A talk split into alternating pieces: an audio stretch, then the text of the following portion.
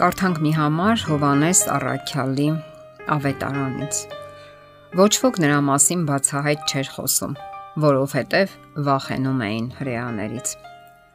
Արդյոք հեշտ է համարցակ վկայել Հիսուսի մասին։ Պարզվում է, որ այնքան էլ հեշտ չէ։ Վերոհիշյալ համարը ցույց է տալիս, որ դեռևս Հիսուսի երկրի վրա ապրած ժամանակներում այնքան էլ հեշտ չէր խոսել Հիսուսի մասին։ Մարդիկ վախենում էին հрեաներից Իսկ մեր օրերում կարելի ասել նմանատիպ իրավիճակ է։ Դրան նպաստում են աշխարհիկ գաղափարախոսությունները եւ մշակութային այն իրավիճակը, որում ապրում ենք։ Կարևոր է նաև հասկանալ հասարակական այն մտածողությունը, որ այսօր իշխում է աշխարհում։ Նշենք պատճառներից մի քանիսը. հաճույքասիրություն, նյութապաշտություն, անհատապաշտություն, քաղաքականացվածություն, հակվածություն մեղքին, կոլեկտիվիզմ եւ այլն։ Ինչ է կոլեկտիվիզմը։ Սա էլ կերպ անվանում են սոցիալիզմ։ Ժամանակին այս գաղափարախոսությունը կատաղի պայքարի մեջ էր քրիստոնեության հետ, սակայն ժամանակի ընթացքում ցույց տվեց իր սնանկությունը։ Հակաքրիստոնեական այս աշխարհայացքն ասում է, որ կառավարությունը հենց Աստվածն է եւ հանդես է գալիս նրա փոխարեն։ Նրանք ասում են, որ կառավարությունը պետք է վերահսկի ամեն ինչ, Կառավարությունն ինքնին բնականon երևույթ է, որ կառավարում է եւ վերահսկում հասարակական կառուցվածքը։ Այդ մեխանիզմը ասենք, որ ստեղծվել է Աստծո կողմից, սակայն այն չի կարող փոխարինել Աստծուն։ Իսկ ահա անհավատ մարդիկ կառավարությունը ընտրում են Աստծո փոխարեն։ Հիսուս Քրիստոսն այսպիսի սահմանազատում արեց. Աստծուն Աստծուն, Կեսարինը Կեսարին։ Սա նշանակում է, որ յուրաքանչյուրը իր տեղն ու դերն ունի։ Ինչ է քաղաքականությունը։ Մենք ապրում ենք մի ժամանակաշրջանում, երբ քաղաքականությունը հզոր դեր ունի մարդկանց կյանքում։ Շատ դեպքերում այն համարյա փոխարինում է կրոնին։ Նկատենք, որ քաղաքականությունը նույնպես ինքնին բնականon երևույթ է, սակայն դարձյալ այն չի կարող փոխարինել կրոնին կամ Աստծուն։ Քաղաքականությունը չի կարող փրկել մարդկությանը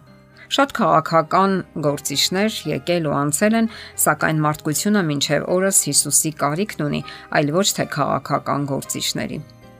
Մեծապես կհուսախապվեն նրանք, ովքեր իրենց հույսը կդնեն քաղաքական գործիչների վրա։ Աստվածաշունչն ասում է, որ կառավարությունը 3 հիմնական գործառույթ ունի՝ պաշտպանել ազատությունը, ապահովել արդարացիությունը եւ հաստատել խաղաղություն։ Հիշենք Հիսուսի խոսքերը։ Ուրեմն կայսրինը տվեք կայսրին, իսկ Աստծունը Աստծուն։ Երբ լսեցին, զարմացան, թողեցին նրան ու գնացին։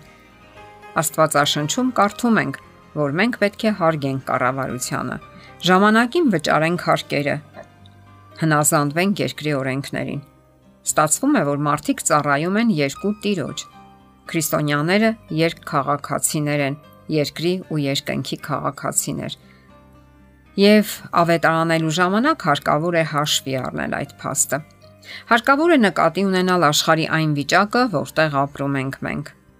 Աշխարհում քաոս է, պատերազմներ, սպանություններ, անհավատարմություն, ստախոսություն, գողություն, կաշառակերություն։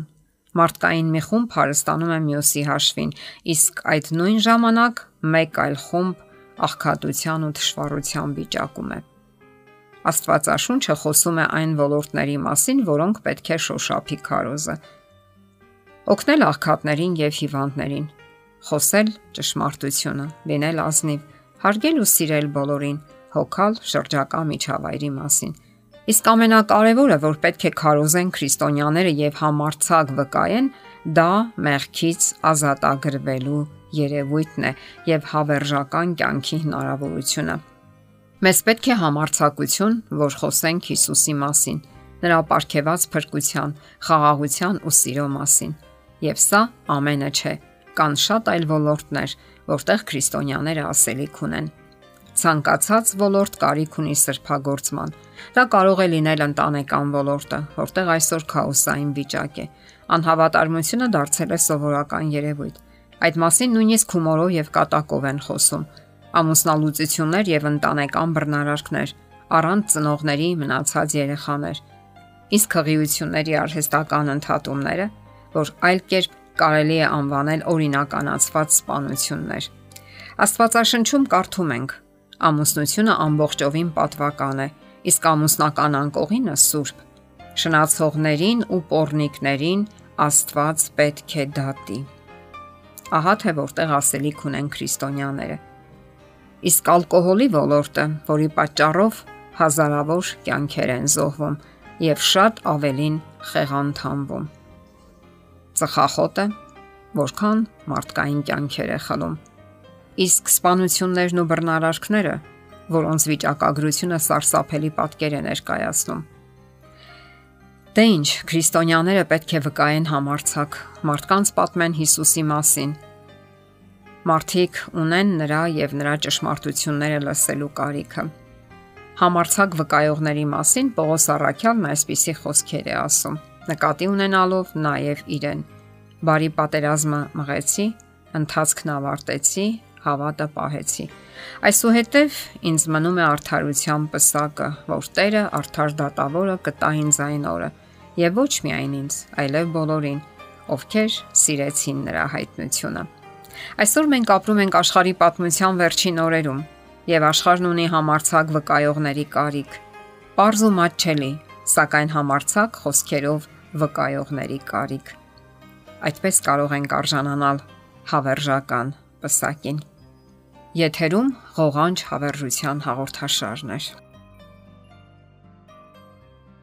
Հարցերի եւ առաջարկությունների համար զանգահարել 033 87 87 87 հեռախոսահամարով։